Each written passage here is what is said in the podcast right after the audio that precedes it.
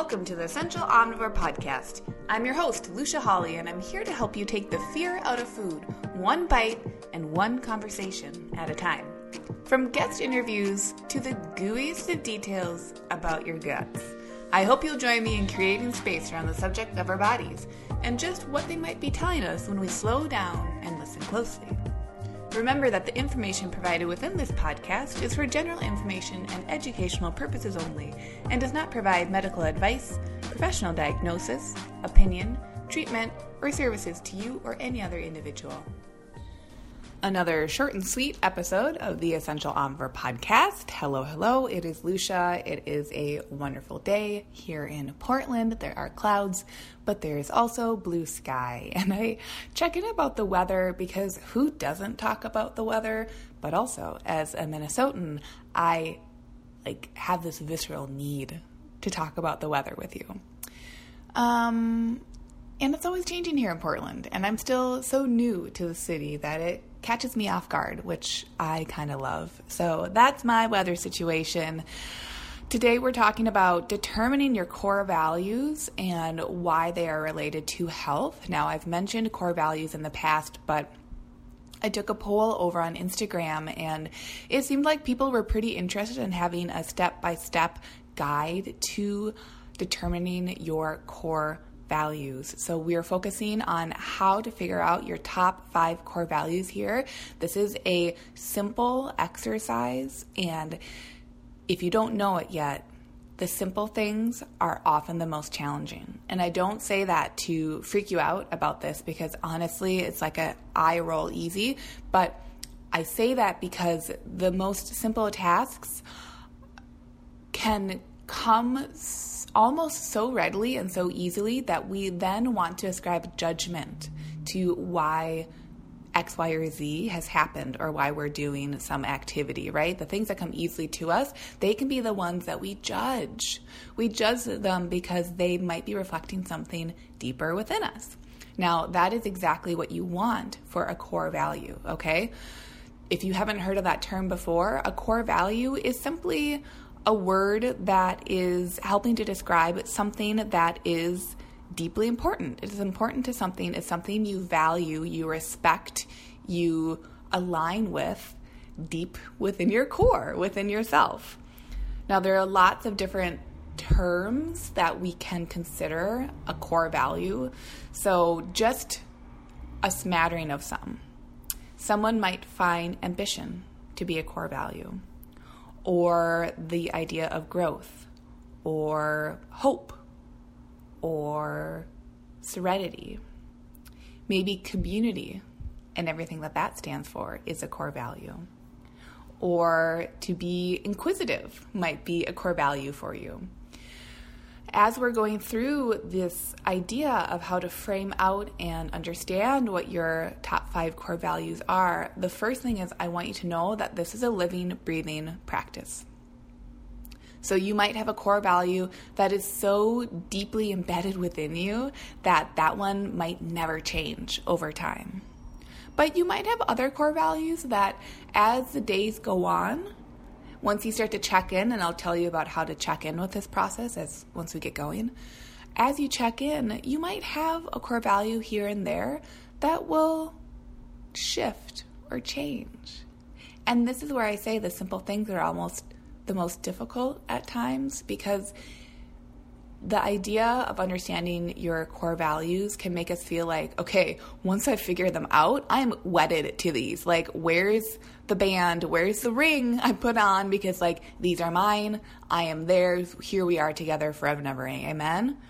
No, just like you're a living, breathing human, your core values will shift over time. Some of them, maybe not as much as others, some of them might be deeply grounded within what you believe, but just know that that once we're figuring these core values out for you, that is not going to be the end all be all. Okay? Don't judge which ones align with you right now, just like you're not going to judge the ones that align with you in the future. Or maybe, also important, the core values that you've held in the past. This exercise can be illuminating, right? Something that you thought was really important to you, that you stood by historically. Maybe you've shifted. Maybe you've changed stance, and that's all good and fine. So, these top five core values that you're going to understand and that are going to come to light once you do this practice, okay, this involves you doing homework. how many podcasts do you listen to where you get homework? I, I don't know how many you do, but I like giving homework here because this stuff has to be tangible. It has to be you doing the work for yourself because you are a unique, beautiful, special snowflake. And I say that with a hella ton of empowerment because you get to decide these words. They are for you, they are not for anyone else. Now, these five core values integrate with your wellness goals because once you understand your core values and what that set is, your diets, your food choices, your workouts, how you sleep, how you breathe, how you come to relationships, how you deal with struggle, how you deal with tough interactions, these will all naturally align themselves for you when you know what your core values are. So there will be much less spinning out about the next salad that you should eat, that you have to eat, that you must eat. There's going to be less fretting about that difficult conversation you had or that you have to have. If you're sick of the carnival ride of endless, not so fun diets or feeling out to sea with every single choice that you're making, then this is where the core values come in. So let's dive into it. There are seven tasks to figuring out your core values, and there's some that are going to repeat. So it's not even seven. So stick with me. Number one, you're going to sit down without judgment and you're going to give yourself 10 minutes alone by yourself. Do this without distractions. You are going to print off or at least put on a screen that you can edit, like a laptop or a desktop, this list of core values, and I'm going to give you a few options in the show notes. So print them off or get them in a document that you can edit. Now you're going to circle the top 20 that stand out to you. And I cannot tell you what feeling you're going to feel when you read a word, but there are going to be 20 terms that are going to sift above the others. And that's important. You're not looking for ones that look striking or amazing or sound really cool. You're looking for the words that are describing values that make you feel something and that make you look or desire to dig a bit deeper. Okay? You're not going to do that deep digging right now. You're just going to circle those top 20 turn, terms in the big list of them. And I know the list, if you have it open, it can seem overwhelming. Don't worry about it. This exercise goes quickly, and that's important. So, circle the top 20 that stand out to you. Now, take a two to three minute break, okay? Listen to a favorite song, get up, do some jumping jacks, um, pour yourself another glass of water because you're a beautiful, hydrated human full of love. And now, after those three minutes are up, come back and double circle of those top 20 terms, the top 10 that now resonate with you. Okay? Don't overthink it. Just go ahead, go from 20 to 10. You got this. Now, stick with me. Now you take a three minute break again. You listen to another favorite song. Maybe Beyonce's coming up again. Maybe you go water your plants real quick because you're at home. Maybe you're in the airport and you should go fill up that water bottle of yours. I don't know. Take those three minutes. Now come back and highlight the top five of those 10 that you whittled down before. Same thing, no judgment, easy breezy. They're aligning with this feeling, and the feeling might be of expansion, it might be of curiosity, it might be of, there might be like this warm, glowy feeling, there might be pride, there might be, there's this sense that these top five now words are going to give you that is more hella compelling than the other five words, okay? That's how you do this.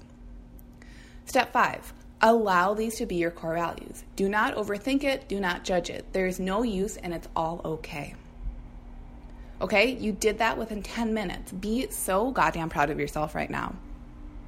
Now, take a step back from them and go about your life, okay? I want you to revisit these five terms every day for the next week simply to see how they feel. It's like a new haircut or a new hairstyle. You judge it immediately? Well, maybe you do, right? Like, who doesn't? When you're in the chair with the bib around your neck and you're like, holy shit, and how, how I look, okay. Don't judge it though. Allow it to relax, to kind of sit into itself and settle in. Same with the core values. Allow them to just sit with you for a week and you're noticing them, you're not ignoring them. Let yourself notice them each day bring them up. You can think on each word for a minute and see how it makes you feel, okay?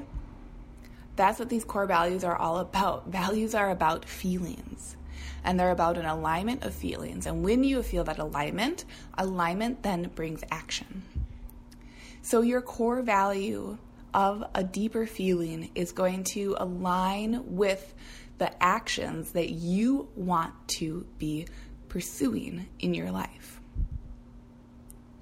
Now, given this strategy, what I was saying before, before we dove into those different ways and steps of assessing your core values, just like you're not judging them for that first week, now I want you to consider revisiting the terms every six months or so just to see how they feel. This is, it's like if you have five Lego pieces and you're putting them together, and there they are, they're all different colors, so it's not like they all blend in together, but they all fit into each other in a certain way. Every six months or so, you can look and say, hey, is this purple Lego piece? It, maybe it's not quite the shape I'm looking for anymore. Let me revisit and see if there's one that is maybe, maybe I need the the lilac piece. Maybe it actually wasn't the shape, maybe it was the color. Or maybe I love that damn color, but I need the Lego that is flatter or skinnier or taller, whatever it might be. Maybe it is about the shape, it's not about the color.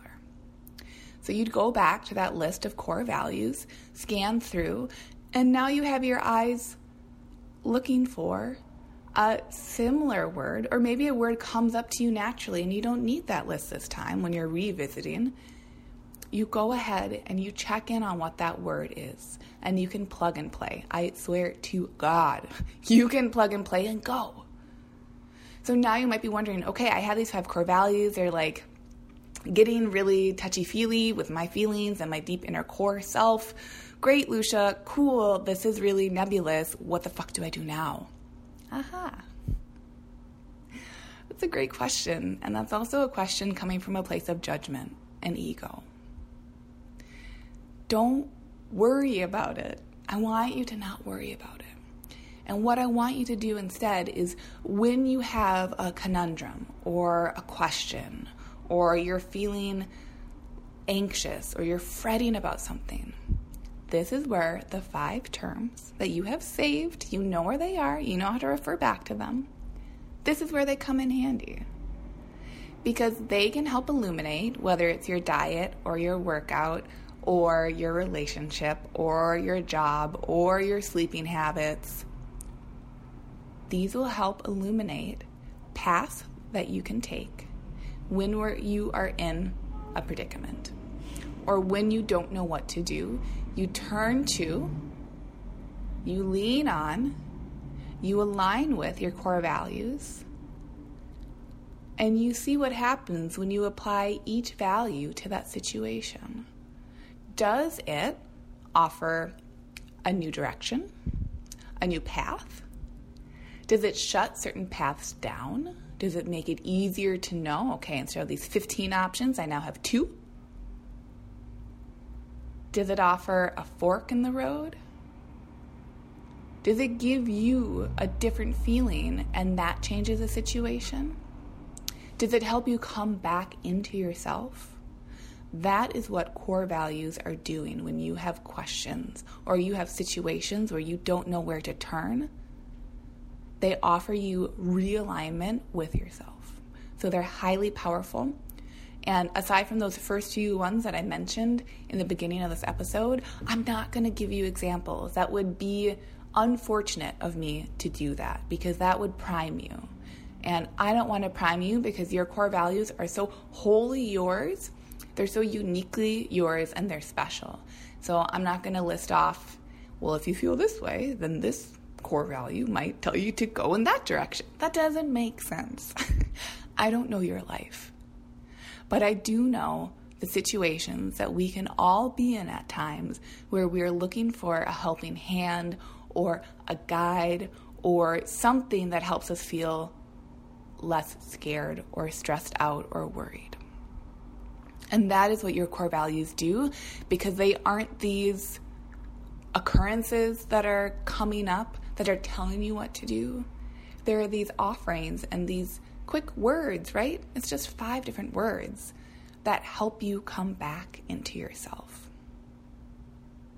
And the choices that you will make and the directions that you will go when you come back into yourself are the ones for you. So I hope this has been a helpful explanation, and I want you to do this homework. Allow yourself, it's 10 minutes. You have 10 minutes. You seriously do. The busiest of you, I know, I see you, I commend you, I applaud you, and you have 10 minutes, okay? So go do the homework. Hey, thanks so much for joining along on today's episode. For full archives of past episodes, hop on over to essentialomnivore.com or subscribe to the Essential Omnivore podcast on Apple Podcasts or Stitcher.